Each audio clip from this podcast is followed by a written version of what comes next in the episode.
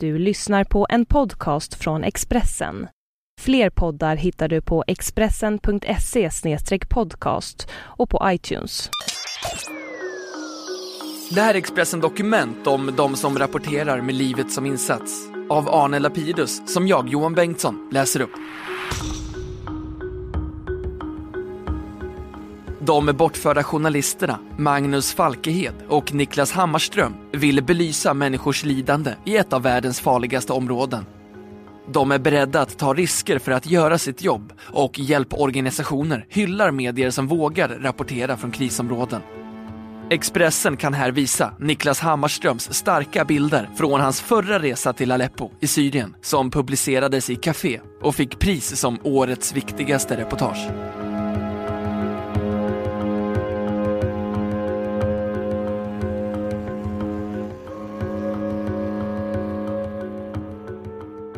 Krigskorrespondenter rapporterar ofta med livet som insats från krishärdar och konflikter runt om i världen. Drivna av sin passion att fästa världens uppmärksamhet på lidanden och missförhållanden, ibland parad med ärelystnad, söker de sig till de farligaste områdena. Riskerna i jobbet har bara ökat med åren.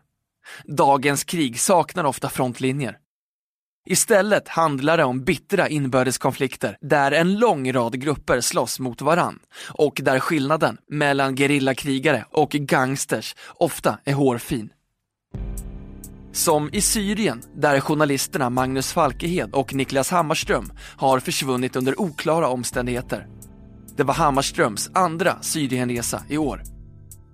Den förra gjorde han tillsammans med journalisten Staffan Heimersson deras arbete resulterade i reportaget Infernot inifrån om kriget i Syrien. Det publicerades över 18 sidor i tidskriften Café och belönades med tidskriftspriset 2013 i kategorin Årets journalist. Juryn kallade deras dramatiska skildring från den syriska staden Aleppo för årets mest skrämmande och viktiga reportage. Niklas är den bästa krigsfotograf jag har jobbat med han är alltid på hugget. I Aleppo tog han sig varje dag så nära fronten han kunde, bara för att få bästa bilden, berättar Staffan Heimersson, mångårig krigskorrespondent på Aftonbladet och Sveriges Radio och har täckt 34 krig och idag arbetar som frilansare. Vi träffades när vi gjorde reportage tillsammans på ettårsdagen av massakern på Utöja. En dag ringde Niklas och sa “Jag har bra kontakter så att vi kan ta oss till Aleppo. Kommer du med, gubbe?” Jag svarade genast ja. Vi möttes nära syriska gränsen och gick över gränsen i ett vidrigt snöoväder. Vi arbetade en vecka i Aleppo med en machoinriktad fixare. Det hjälpte inte att han hade två livvakter. Han mördades en vecka efter att vi åkt, säger han. Heimersson beskriver tiden där som en vecka av kyla, smuts och halvsmält i Syriens största stad som var totalt förlamad. Det handlar bara om att överleva, men vardagslivet är slaget i spillror. Rutinerna för måltider och att gå till jobbet är upprivna. Ingen ger sig ut på gatan i onödan. Familjens helgdagar kan inte längre som förr firas med orgier av söt baklava. I den mån det älskas fysiskt sker det nog mest för att få upp värmen, skriver han i Café. Jens Stenberg, chefredaktör på Café, blev skakad när han fick höra att Niklas och Magnus hade försvunnit i Syrien. Jag kände bestörtning, givetvis, och en stark känsla av surrealism. Det hade bara gått 11 dagar sedan vi drack champagne ihop i Stockholm för att fira att Niklas och Staffan Heimersson vunnit tidskriftspriset. Men ingen av mina känslor är det minsta relevant i sammanhanget. Alla mina tankar går till Niklas, Magnus och deras närmaste, säger Jens Stenberg. Vissa av Niklas bilder är oerhört otäcka. De visar krigets idioti i obehagligt detaljerad närbild.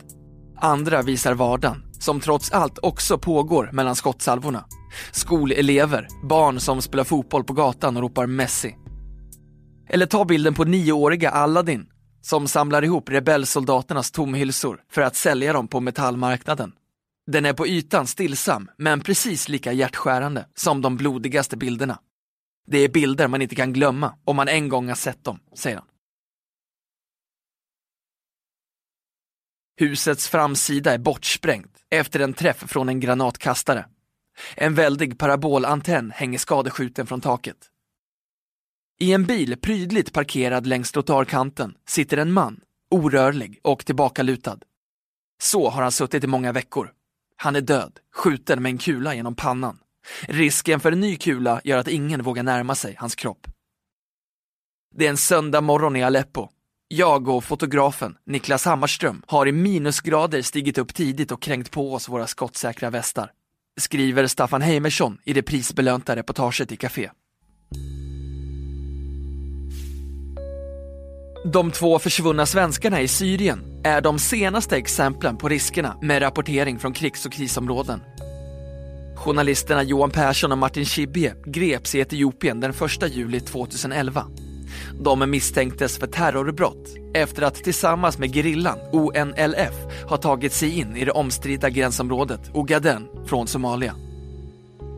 Svenskarna ville göra reportage om mänskliga övergrepp i Ogaden och om kopplingar till oljeföretaget Lundins Petroleums verksamhet i området. De båda dömdes till 11 års fängelse. Domen väckte starka internationella reaktioner och Sverige försökte med diplomatiska medel få dem släppta. De benådades den 10 september 2012 och kunde lämna Etiopien. Persson och Schibbye har skrivit boken 438 dagar om sina upplevelser. Den gången slutade det lyckligt. Men för den världskände svenska frilansjournalisten och fotografen Martin Adler slutade en reportageresa till Afrika i tragedi. Han mördades av en okänd gärningsman under en demonstration i Somalias huvudstad Mogadishu den 23 juni 2006. Han efterlämnade hustru och två döttrar. Min första tanke när jag fick höra om de försvunna gick till deras familjer. Jag känner ett enormt medlidande med dem de befinner sig i en fruktansvärd ovisshet medan de väntar på att få ett besked, säger Katarina Adler, änka efter den mördade journalisten. De båda är frilansjournalister, precis som Martin var. Frilansare är väldigt utsatta och oskyddade. Allt färre tidningar ger dem uppdrag när de reser till platser där det kan finnas en story att berätta. Istället säger tidningarna att vi får se vad du har för material när du kommer tillbaka, säger hon. Afrika blev också den tragiska slutpunkten för Expressens legendariska reporter Arne Lemberg. Han sköts ihjäl av en militärpatrull i Uganda den 6 april 1979 tillsammans med journalisten Carl Bergman från Svenska Dagbladet och två tyska kollegor. De var utsända för att rapportera om striderna i diktatorn Idi Amins Uganda. När jag hörde om de försvunna i Syrien tänkte jag först på hur hemskt det är för deras familjer det är läskigt att ingen vet var de är. Och så tänkte jag på pappa och det som hände den gången, säger Jonas Lemberg, mångårig Expressen-fotograf och son till Arne Lemberg. Jag var åtta år och minns den tryckta stämningen hemma. De var först försvunna en längre period. Mamma var jätteledsen. Sen väcktes förhoppningar och till slut fick vi beskedet att de var döda. Jag frågar mig själv ibland hur det kunde bli så att jag går i pappas fotspår. Någonstans har jag sugit att visa på orättvisor och rapportera det som är sant och rätt, säger han. Ulf Nilsson är Expressens klassiske utrikeskorrespondent som rapporterat från krig och konflikter i 50 år. Han säger att reportrar måste ta övervägda risker för att kunna utföra sitt uppdrag, att informera läsaren. Det är viktigt att åka till platser som Syrien för att informera. Allmänhetens rätt att veta är helig. Det är det som driver krigskorrespondenten. Plus lite ärelystnad. Det kan man inte förneka, säger Ulf Nilsson. Ibland kan man inte undvika att ta risker. Bland annat för att man inte alltid vet vad faran är. Det kan smälla långt bakom fronten. Bästa sättet att minska risken är att läsa på innan man åker till en plats.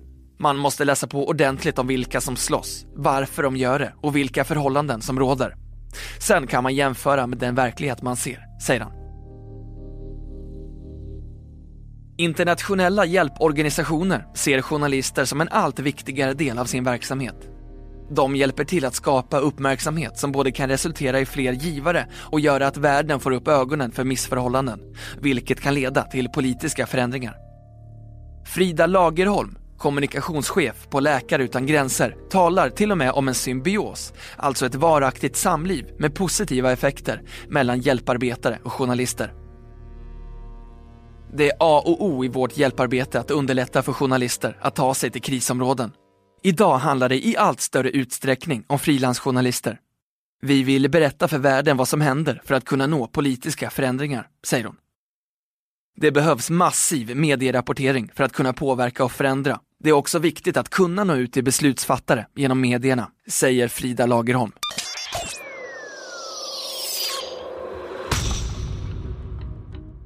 Du har lyssnat på en podcast från Expressen. Ansvarig utgivare är Thomas Mattsson. Fler poddar finns på Expressen.se och på iTunes.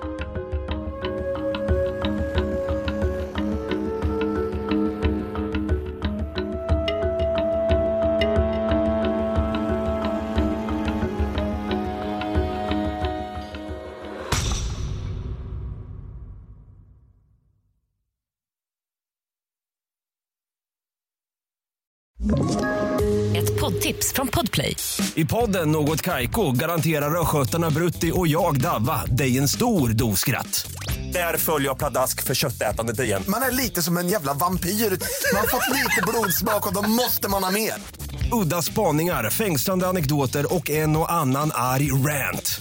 Jag måste ha mitt kaffe på morgonen för annars är jag ingen trevlig människa. Då är du ingen trevlig människa, punkt. Något Kaiko, hör du på Podplay. Därför är gardinerna.